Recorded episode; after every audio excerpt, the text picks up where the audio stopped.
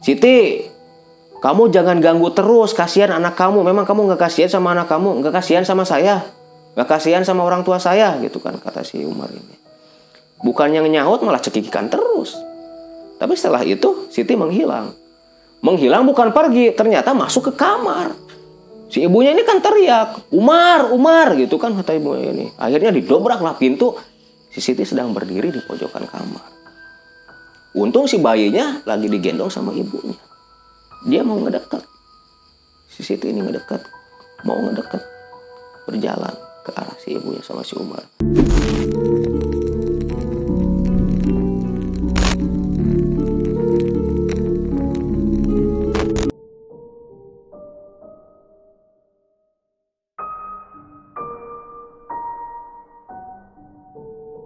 Assalamualaikum warahmatullahi wabarakatuh. Waalaikumsalam warahmatullahi wabarakatuh. Gimana kan kabarnya kan? Alhamdulillah sehat. Nah untuk eh, kali ini Kang Maman mau bercerita tentang apa kan? Untuk kali ini saya akan menceritakan tentang teror kuntilanak ya. Nah teror kuntilanak ini eh, Kang Maman dapat cerita dari mana kan? Nah, cerita teror kuntilanak ini saya dapat langsung dari narasumbernya langsung. Ya kebetulan memang salah satu orang yang pernah konsul ke saya juga. Nah sebenarnya kuntilanak itu apa sih Kang dan seperti apa sih? Oke, pertama sebelum masuk ke cerita kita bahas dulu masalah mitosnya ya, mitos kuntilanak.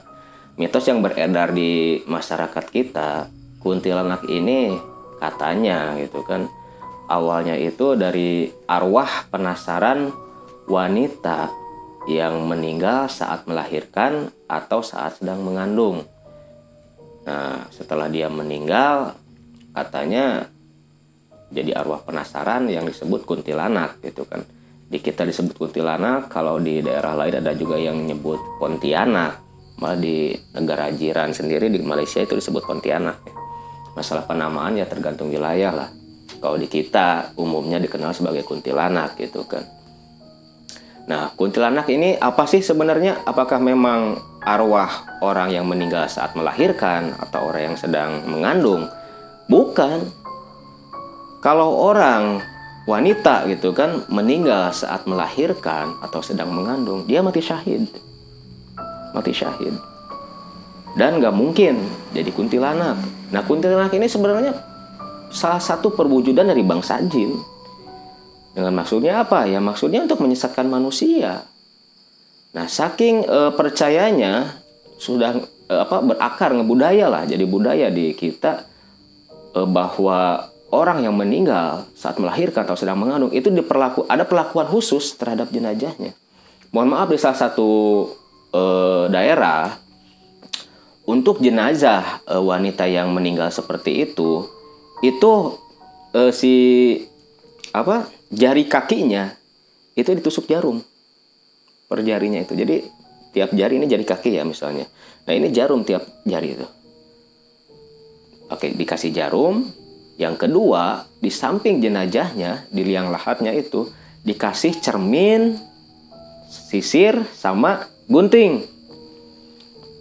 Mungkin maksudnya supaya dia eh, apa nggak gentayangan kakinya ditusuk jarum itu biar pas mau ngelangkah mungkin kesandung sakit gitu kan? Mungkin. Nah terus dikasih sisir ya, e, kaca ya cermin sama gunting itu mungkin biar nggak kelayaban lah. Biar asik aja di kuburan apa ngerawat diri gitu kan? Itulah nggak tahu lah itu awalnya dari mana gitu kan? Sampai ada mitos e, perlakuan khusus terhadap jenazah yang meninggal saat melahirkan gitu kan katanya biar gak jadi kuntilanak dikasih gituan. Malah di kita ya khususnya di daerah Sunda itu untuk ibu-ibu yang sedang hamil itu biasanya di tempat tidurnya dikasih juga bawang putih. Nah, masa sih ada jin takut bawang putih kan? Lucu lah. Emang vampir gitu kan? Bawang putih terus dikasih juga apa gunting cermin dan e, sisir juga gitu kan? Itu katanya biar kuntilanak nggak ganggu katanya seperti itu tapi memang seperti itu juga karena apa karena memang dipercayai yang namanya hal-hal seperti itu dipercaya pasti bakal terjadi Dan kenapa si jin yang jadi kuntilanak ini nggak mau ganggu e, ibu hamil yang bawa gunting, kaca sama sisir sama bawang putih?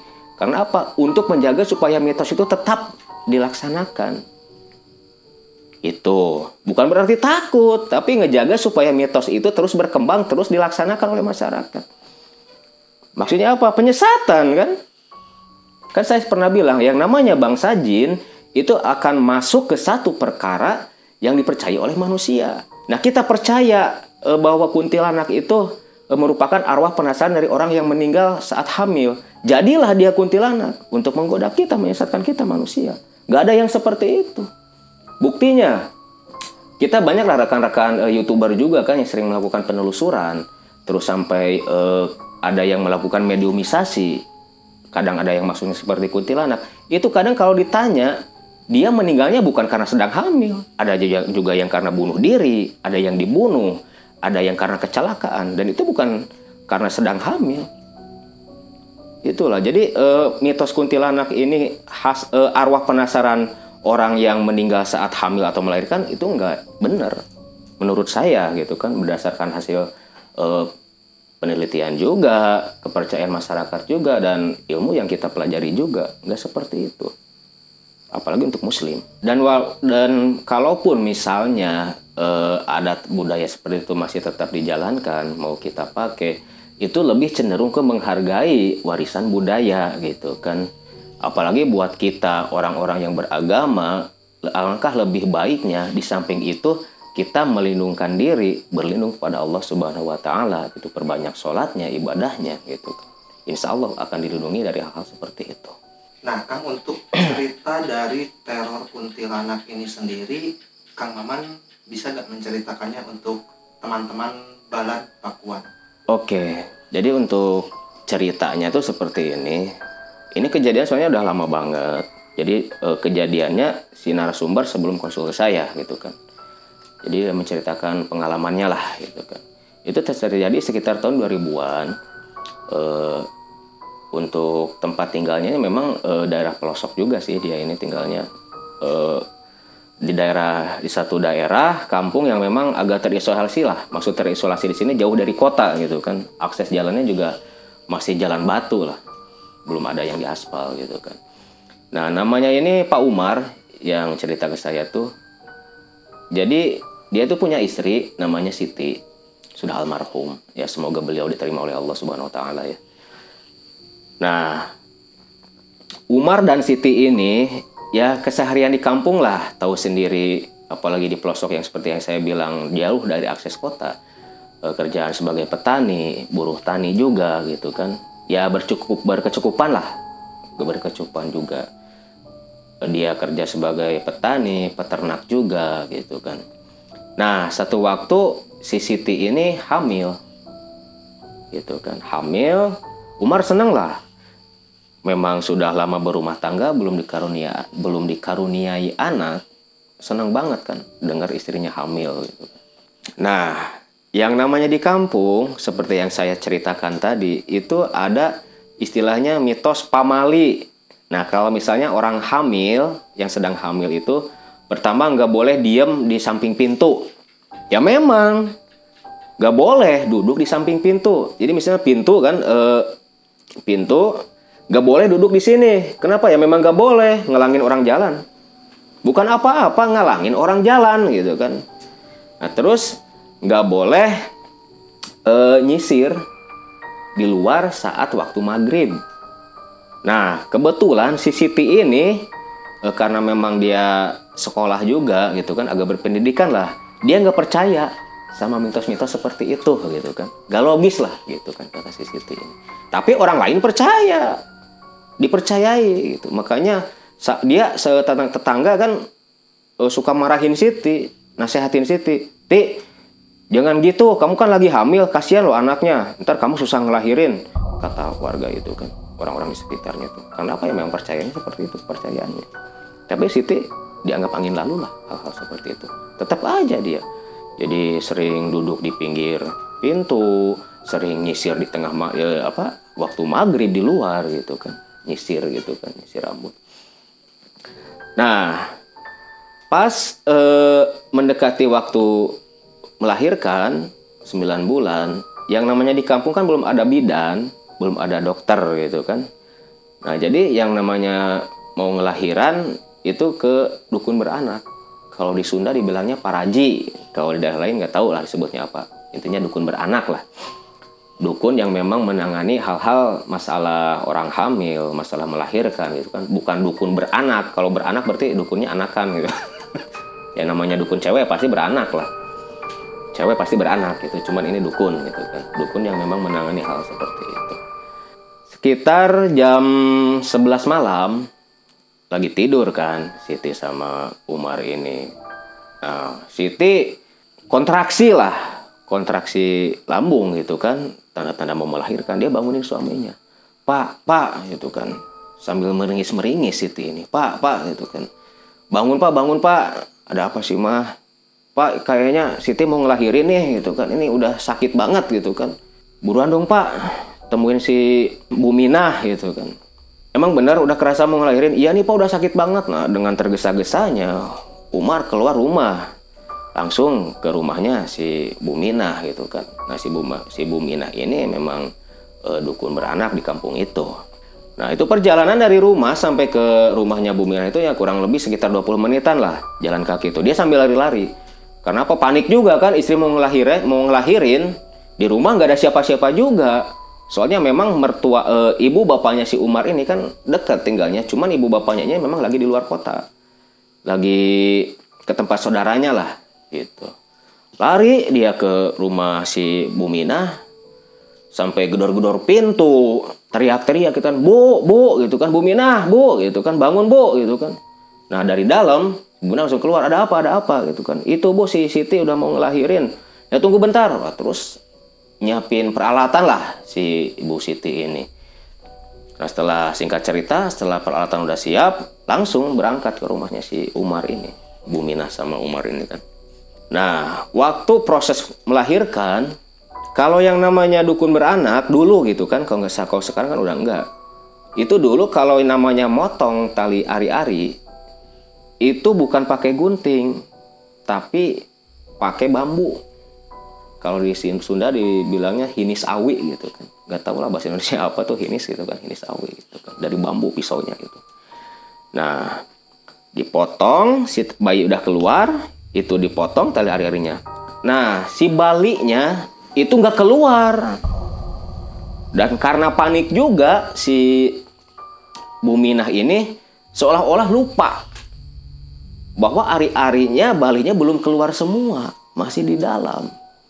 Kalau namanya Siti kan awam, kalau urusan seperti itu nggak tahu gitu, taunya ngelahirin anak udah gitu aja kan. Nah ini Bali sama tali ari-arinya tertinggal, tertinggal di dalam. Gak keluar gitu kan.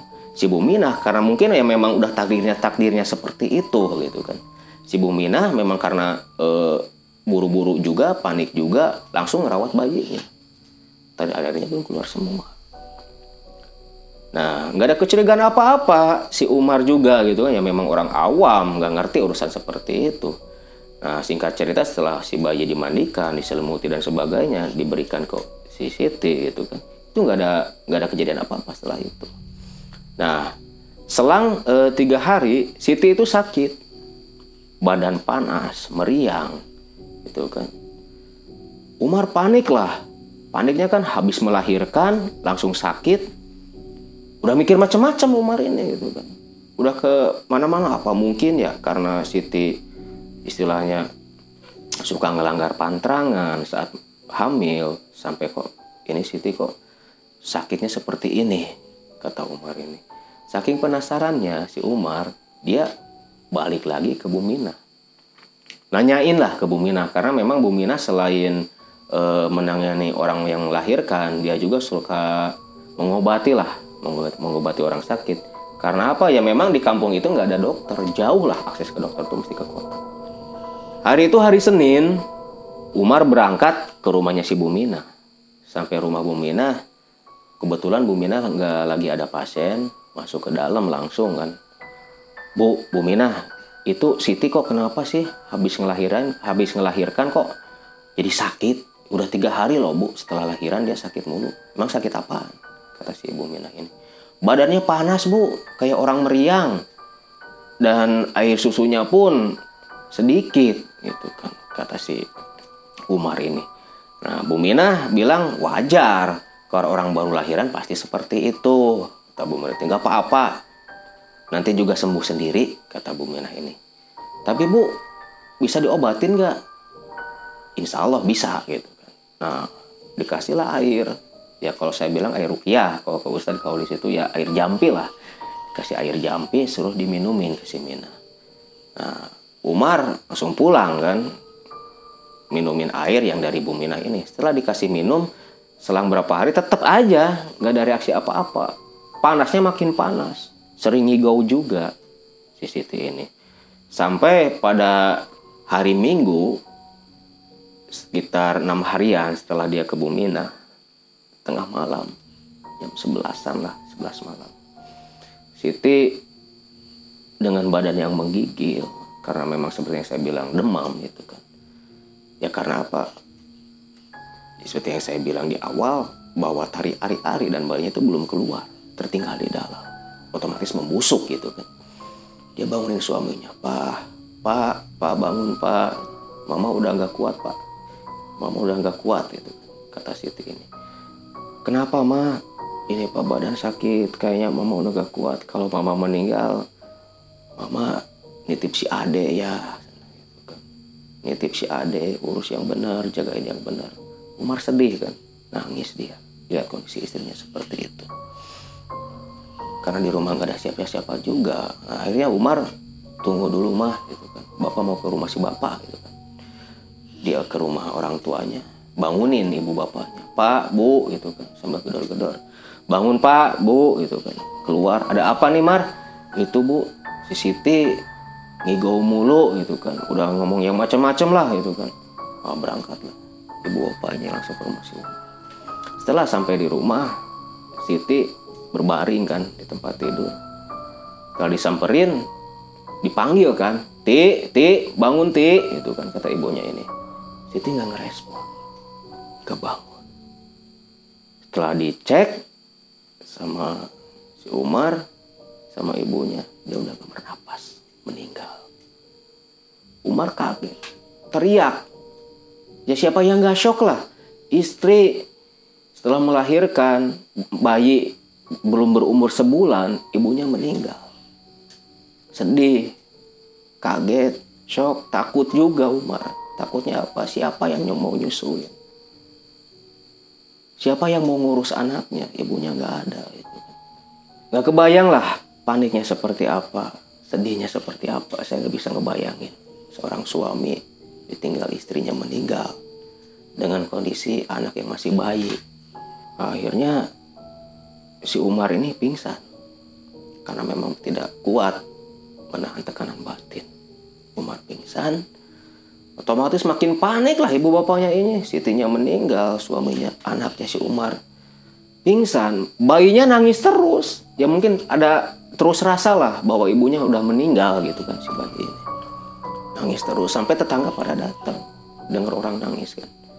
Ada apa ada apa gitu kan kata tetangga ini. Semua pada masuk ke dalam.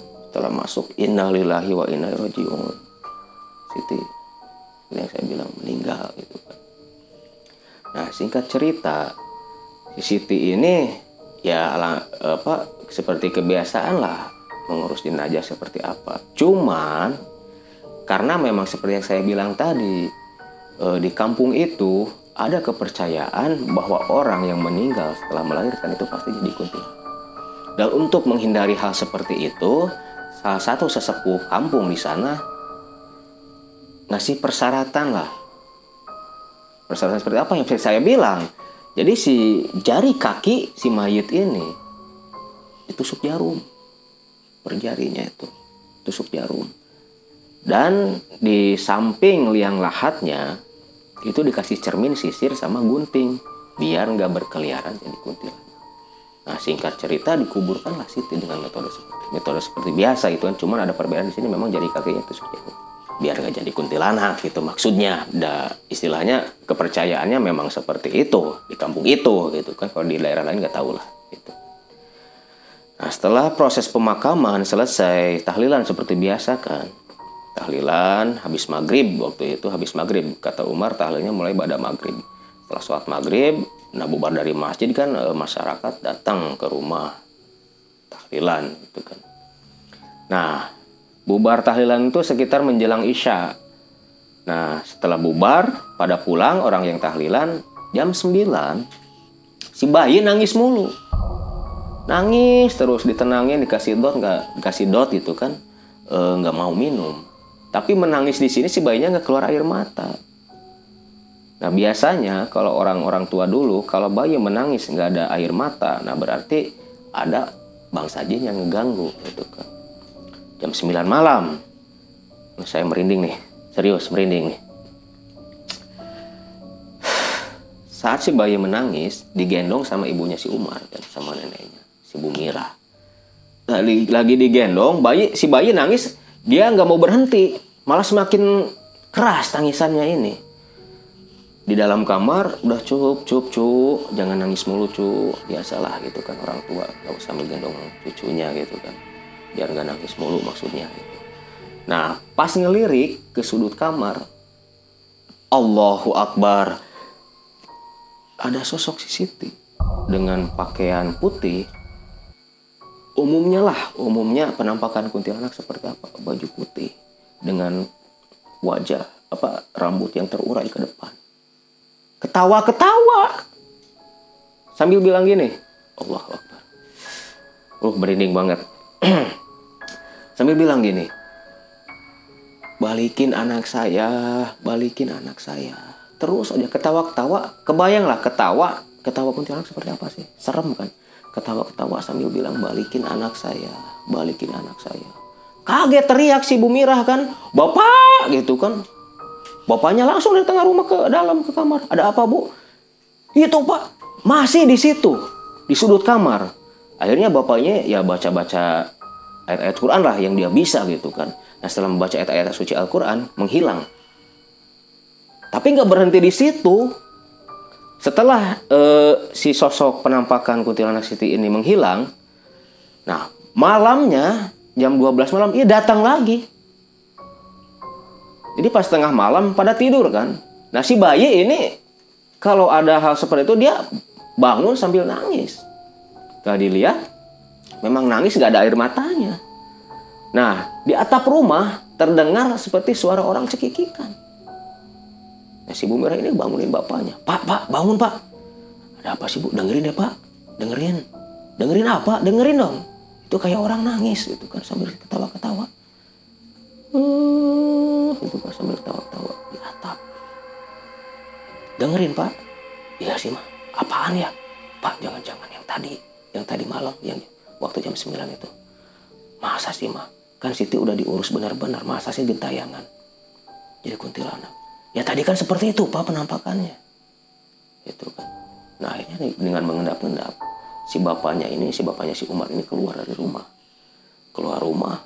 Pas lihat ke atap di hubungan rumah itu lagi bertengger kayak wah saya bertengger duduk sambil apa kalau orang sudah bilang ucang-ucang lah dengan kaki seperti ini. Nih gitu kan. Serem kan kebayang gitu. Bapaknya bapaknya ini teriak lah kaget gitu kan. Persis banget Siti dari perawakan tubuhnya. Nah memang kebetulan menghadapnya ke belakang ngebelakangin bapaknya gitu bapaknya si Umar ini. Ceplas yakin itu Siti gitu kan. Nah, si Pak Umar ini akhirnya si Pak Umar oh, masuk ke dalam ditutuplah pintu dia segala sebisa-bisa lah baca doa segala macam sambil bergetar juga kan Nah terus si Umarnya ke mana? Kebetulan si Umarnya ini memang pas bagian ronda dia. Nah pas di dalam ibu si Bu Mira ini kan bilang ke bapaknya ke suami ini, Pak udah ke pos ronda aja panggilin si Umar itu kan sekali panggilin warga takut pak nih. Tapi emang ibu nggak apa-apa ditinggalin sama bapak sendiri di rumah, gak apa-apa lah lah. Udah hilang ini kan. Si, jadi memang setelah si Pak Umar masuk ke rumah, itu suara cekikan tangisan tuh gak, gak ada kedengaran lagi. Pas Pak Umar keluar dia sholat pakai senter nggak nggak ada di atap rumah. Akhirnya dia lari ke pos ronda.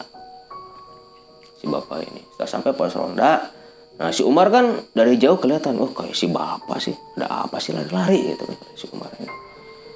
Semakin dekat hmm, ternyata bener, bener bapaknya gitu kan. Pak ada apa pak? Lari-lari. Emang si dede kenapa? gitu kan kata si Umar ini. Bukan masalah si dede mar gitu kan. Ada apaan sih pak? Itu ada kuntilanak. Yang bener pak beneran kata si Umar ini. Udah pulang kamu pulang. Nah harus si Umar pulang sama bapaknya nih pulang ke rumah terus nanya sama ibu emang bener bu? Tadi ada kuntilanak? Iya mar. Kayaknya beneran dah almarhum so, almar, almarhum istri kamu jadi kuntilanak. Ini udah kedua kali malam ini datang. Ya udah bu atuh Umar nggak pulang lagi ke pos ronda gitu kan. Ya Umar nggak balik lagi ke pos ronda diam di, di rumah gitu kan.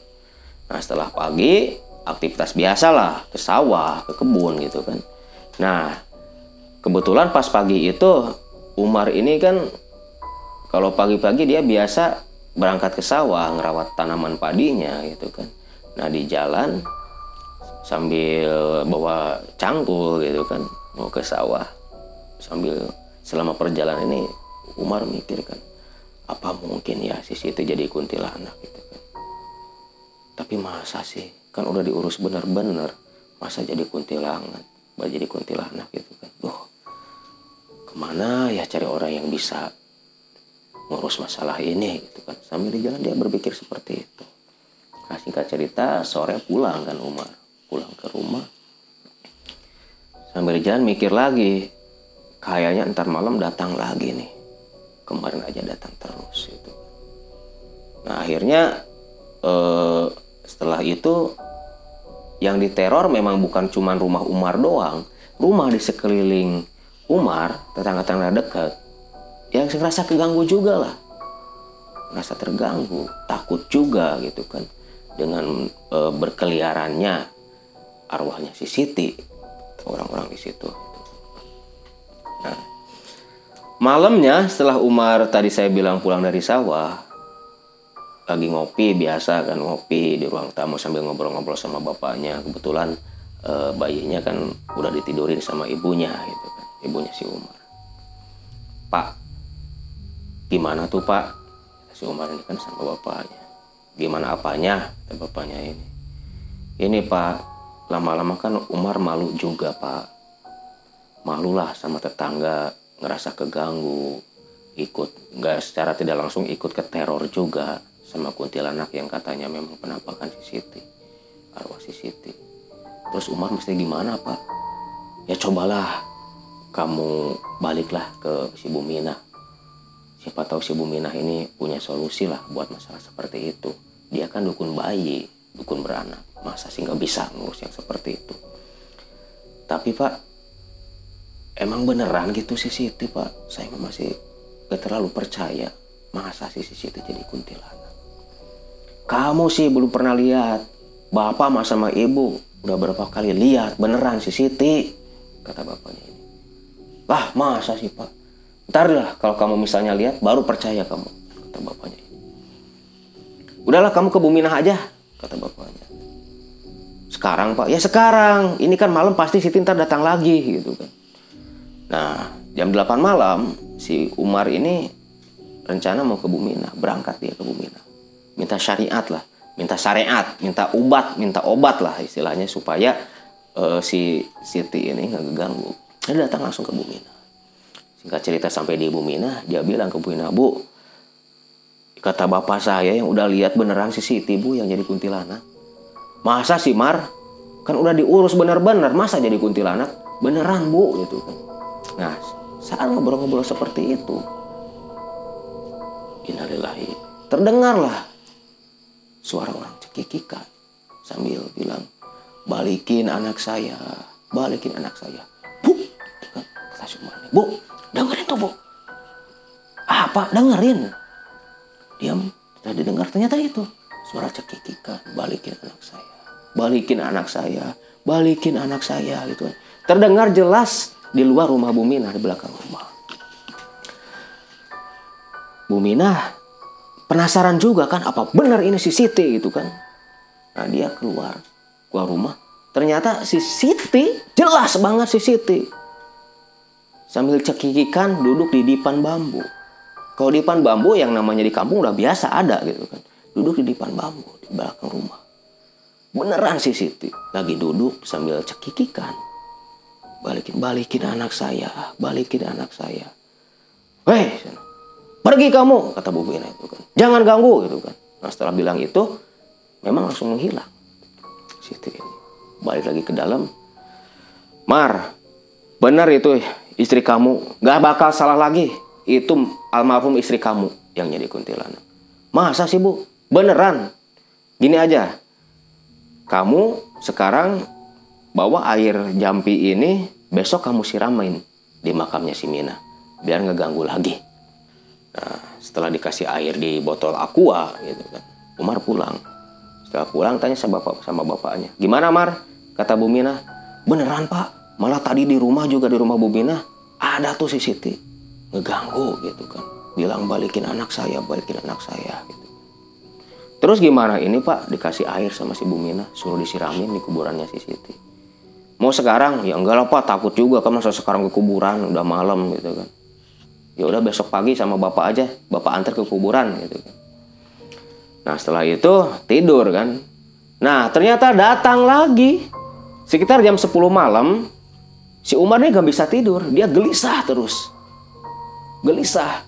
Seperti ada sesuatu yang mengganggu lah di pikirannya tuh. Sambil kalau orang sudah bilang guling gasahan lah lagi tidur tuh. Dia gelisah, nggak bisa, mata nggak mau terpejam, nggak mau tidur. Terdengarlah lagi seperti suara angin di atas atap tuh. Seperti suara angin, terdengar suara cekikikan. Bilang seperti yang saya, saya sebutkan. Balikin anak saya, balikin anak saya sambil bilang seperti itu. Umar kaget bangun dia langsung. Astagfirullahaladzim. Apaan sih itu? Bawa senter keluar. Pas dilihat ternyata memang Siti. Yakin Siti. Umar bilang gini, Siti, kamu jangan ganggu terus, kasihan anak kamu. Memang kamu nggak kasihan sama anak kamu, nggak kasihan sama saya, nggak kasihan sama orang tua saya, gitu kan kata si Umar ini. Bukan yang nyaut malah cekikikan terus. Tapi setelah itu Siti menghilang. Menghilang bukan pergi, ternyata masuk ke kamar. Terdengar sama si Umar suara cekikan itu pindah dari arah kamar. Arah kamar si bayi gitu kan. Kebetulan si bayinya ini tidurnya sama neneknya gitu kan, sama ibunya si Umar. Umar lari langsung ke kamar ibunya. Bangunin bu, bu, bu gitu kan, digedor sambil gedor pintu. Nah, dari dalam terdengar orang bangun, terdengar suara cekikikan. Si ibunya ini kan teriak, Umar, Umar gitu kan kata ibunya ini. Akhirnya didobraklah pintu, si Siti sedang berdiri di pojokan kamar. Untung si bayinya lagi digendong sama ibunya. Dia mau ngedekat. Si Siti ini ngedekat, mau ngedekat, berjalan ke arah si ibunya sama si Umar. Umar sebisa-bisa baca-baca lah, baca-baca doa segala macam.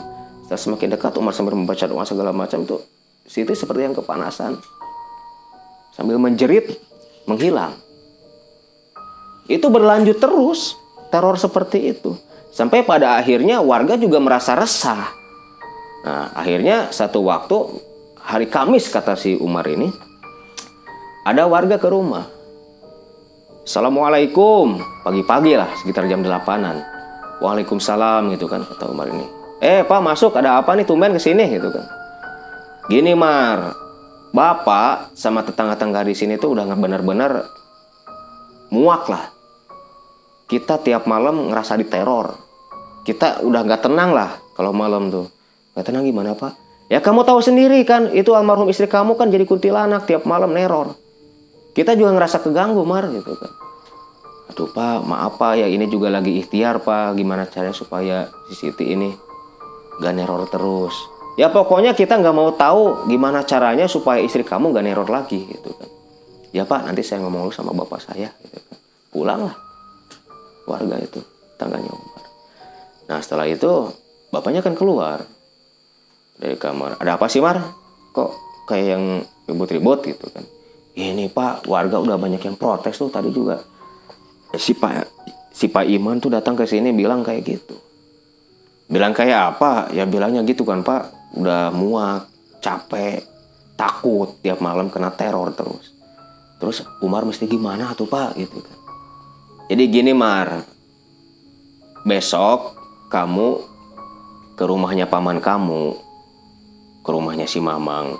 Si Mang Udin pak kata si Umar. Iya kamu ke rumahnya si Mang Udin bawa anak kamu sekalian. Ngapain pak? Kamu tinggal dulu di sana. Jangan dulu pulang ke sini emang kenapa pak? Kalau menurut bapak selama kamu di sini arwahnya Siti pasti neror terus ke sini. Jadi biar warga nggak keganggu warga nggak pada marah mending kamu bawa anak kamu tinggal di rumah mamang kamu rumah paman kamu. Emang mesti gitu ya pak? Coba aja dulu. Soalnya kalau misalnya nanti kamu udah pergi ke rumah paman kamu eh, si Siti nggak neror ke sini berarti memang selama kamu ada di sini berarti Siti bakal terus neror di sini. Ma- makanya sekarang besok kamu pulang eh, pergi aja ke rumah paman kamu. Kamu tinggal dulu aja di sana. Jangan dulu pulang ke sini. Sambil nunggu situasi situasi udah aman lah gitu. Kata bapaknya ini. Ya udah tuh pak. Kalau gitu mah besok Umar berangkat ke rumahnya si Mamang gitu kan. Mang Udin. Nah kebetulan si Mang Udin ini adeknya adek kandungnya bapaknya si Umar. Nah dia itu tinggal eh, di kota lah. Di kota jauh kan dari rumah si Umar ke kota itu kan. Tinggal di kota dia ini. Nah akhirnya singkat cerita besoknya Umar pamitan sama ibu bapaknya. Sambil bawa bayinya kan di gendong gendongan bayi. Di ais lah kalau orang Sunda bilang. Pakai yang kain dari samping Pak Bu Umar mau ke rumahnya si Mang Udin. Siapa tahu aja kalau Umar nggak tinggal di sini si Siti nggak bakal ganggu lagi di sini gitu kan. Ya udah Mar kamu hati-hati. Sebelum di sini sebelum kondisi aman kamu jangan dulu pulang ke sini. Kamu diam aja dulu di sana. Bilang aja suruh bapak kamu ceritain aja ke si Mang Udin kejadiannya seperti apa kata bapaknya ini. Ya pak. Umar pamit ya pak. Ya hati-hati di jalan gitu kan. Umar jalan kaki kebayang kan? Jalan kaki sambil gendong bayi bawa tas isinya baju. Itulah perjuangan seorang ayah. Singkat cerita dia jalan kaki eh, ke salah ke kota tempat mamangnya tinggal. Memang nggak ada akses kendaraan kalau dari kampungnya. Ada akses kendaraan itu di jalan besar gitu kan. Setelah sampai di pinggir jalan Umar naik angkot ke rumah mamangnya. Nah di angkot ini Umar mikir kan sambil ya dengan hati yang hancur. Hancur kenapa? Ya hancur lah sedih kan lihat bayi anaknya dengan wajah yang polos. Kasihan ibunya udah nggak ada. Sekarang jadi kuntilanak. Sedih lah mikirin nasib ke depannya gitu kan. Mau siapa yang jagain? Masih mending kalau eh, neneknya masih ada masih hidup. Kalau neneknya udah meninggal siapa yang ngurus gitu kan? Kata si um, pikiran si Umar seperti itu. Nah selang setengah jam sampai di depan rumah mamangnya si Mang Udin. Kebetulan si Mang Udin ini pinggir jalan rumah. Setelah turun dari angkot nah, si Mang Udin lagi di luar lagi nyapu dia. Eh Mar ada apa nih? Bawa si Ade juga tumben ke sini ini Mang ada perlu eh ada perlu apa kok sambil bawa tas juga memang mau ke mana ya mau ke sini Mang gitu kan Ntar ngomongnya dalam aja biar enak gitu masuk dalam Mah, ini ada si Umar nih. Sama si dede bayinya nih, sini gitu kan. Oh, istrinya keluar, istrinya si Mang Udin ini. Eh, kamu Mar. Tumben ke sini bawa bayi juga. Ya habis. Kalau di sana kan siapa yang mau jagain? Si mama kan kalau jam segini kan ke kebun gitu kan ke sawah sama si bapak. Ya udah sok, sini aja bayinya. Bibi yang ngurus gitu kan. Digendong sama bibinya. Nah, si Umar ini cerita ke mamangnya. Mang, saya tuh ke sini disuruh si bapak kata si bapak Umar suruh numpang dulu di rumah mamang lah emang kenapa di sana jadi gini mang setelah si Siti meninggal jadi tiap malam tuh si Siti gentayangan mulu mang. Gentayangan gimana? Jadi kuntilanak mang. Kita tiap malam diteror datang terus. Terus ya tetangga kan pada keganggu mang. Ngerasa diteror. Ya akhirnya mungkin kalau Umarnya nggak ada nggak tinggal di sana mungkin dia nggak bakal ganggu kata si Umar ini. Ya udah tuh kamu diam aja dulu sini tinggal di sini aja sama mamang. Sekalian temenin mamang kan soalnya anak mamang kan ada kamu nggak di sini jadi memang si Mang Udin ini tinggal berdua doang sama istrinya anak-anaknya udah pada ngerantau biar nggak sepi lah mar kalau kamu di sini makan kita senang juga ada temennya gitu biar bibi kamu aja tuh yang ngurus anak kamu gitu. ya dia mang makasih kalau gitu gitu kan. nah memang uh, Umar tinggal di rumah mamangnya ini si Mang Udin nggak pernah lagi mengalami teror arwahnya si Siti kuntilanak Siti gitu. Nah itu sudah seminggu Umar tinggal di sana. Nah pada satu hari bapaknya datang bapaknya si Umar ini. Sekitar pagi-pagi jam 7 Umar kan nyapu di dalam di depan rumahnya mamangnya ini si Mang Udin. Bersih-bersih lah gitu. nah kelihatan oh kayak si bapak eh kata si Umar tumben ke sini ada apaan ya? Pak gitu kan kata si Umar ini. Gimana Pak? Oh udah di dalam-dalam ngomongnya. Masuk ke dalam Mamang kamu mana? Oh si Mang Udin lagi ke pasar pak, gitu kan. Ada apa sih pak? Udah udah lama berangkatnya si Mang Udin, baru tadi lah sekitar setengah jaman. Bentar lagi juga datang pak, gitu kan. Ya udah ntar nunggu mamang kamu aja. Nah setelah selang sekitar 25 menitan, mamangnya datang si Mang Udin ini. Eh, bang, gitu kan. Ada apa nih bang? Tumben ke sini. Ya duduk duduk. Ada perlu nih. Perlu gimana? Mar, ternyata si Siti tetap neror makin parah sekarang gitu kan. Makin parah gimana pak? Semua tetangga didatengin. Didatengin gimana? Ya iya tiap malam ke rumah bapak ke rumah tetangga. Setiap orang yang dekat sama rumah kita diteror sama Siti. Diteror gimana pak? Ya gitulah cekikikan. Mana anak saya mana anak saya. Makin parah mar gitu kan.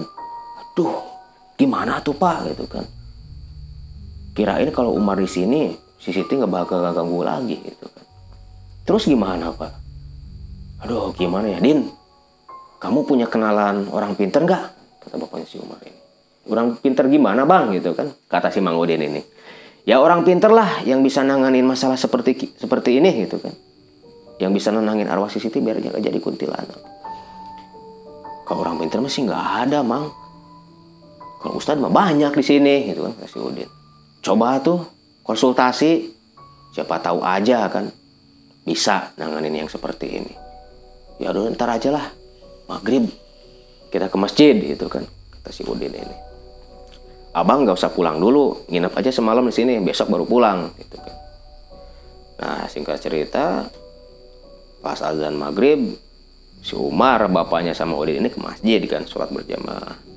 Setelah sholat berjamaah nyamperin ke si Ustadz. Pak Ustadz, ada perlu nih. Ada perlu apa? Gini Pak, emang bener ya kalau orang yang meninggal setelah melahirkan jadi kuntilanak? Ya enggak lah.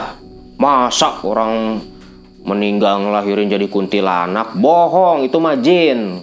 Kata si Ustadz ini kan. Tapi beneran loh Pak. Mukanya tuh muka istri saya. Lah emang istri kamu meninggal? Iya Pak, istri saya meninggal habis lahiran.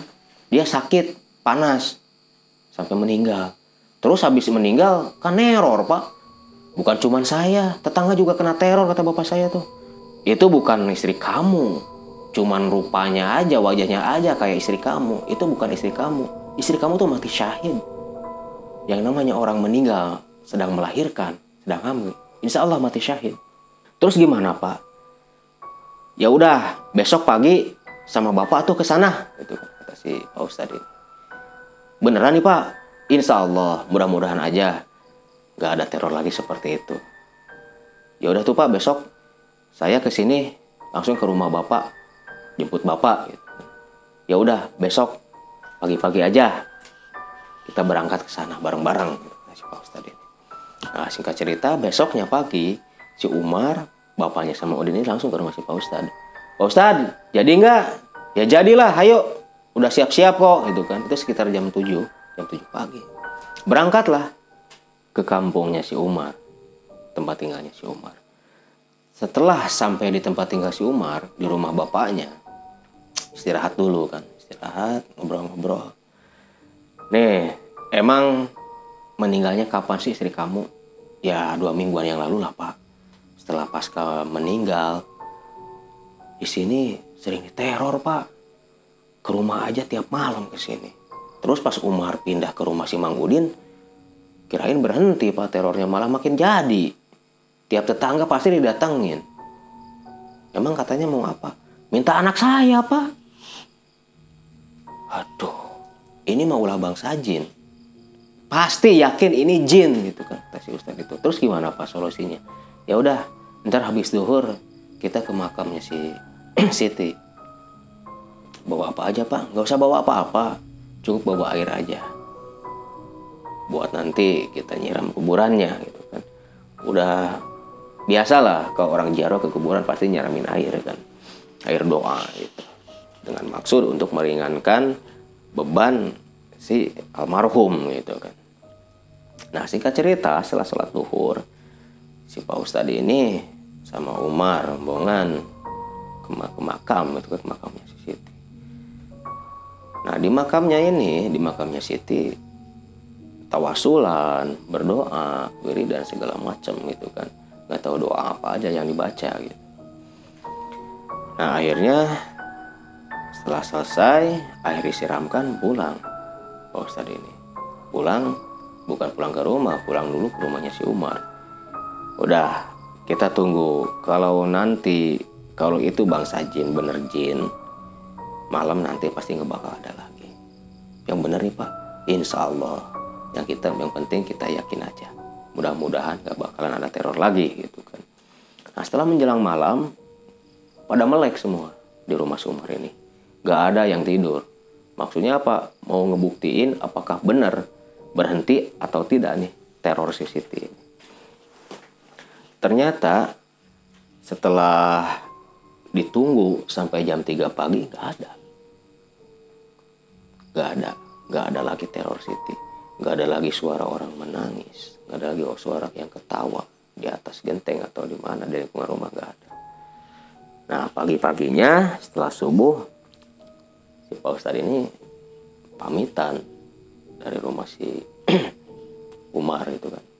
Mar sekarang insya Allah udah aman. Insya Allah nggak ada lagi teror arwahnya Siti. Itu kan yang jadi kuntilanak. Itu semua ulah bangsa jin mudah-mudahan ke depannya nggak ada lagi teror seperti itu kata si Pak Ustadznya oh makasih banget Pak. Bapak mau pulang? Ya Bapak mau pulang aja sekalian. Pamitan gitu kan. Setelah pamitan si Pak Ustadz ini sama si Mang Udin pulang. Nah memang pasca e, berdoa di kuburannya si Siti mendoakan gitu kan.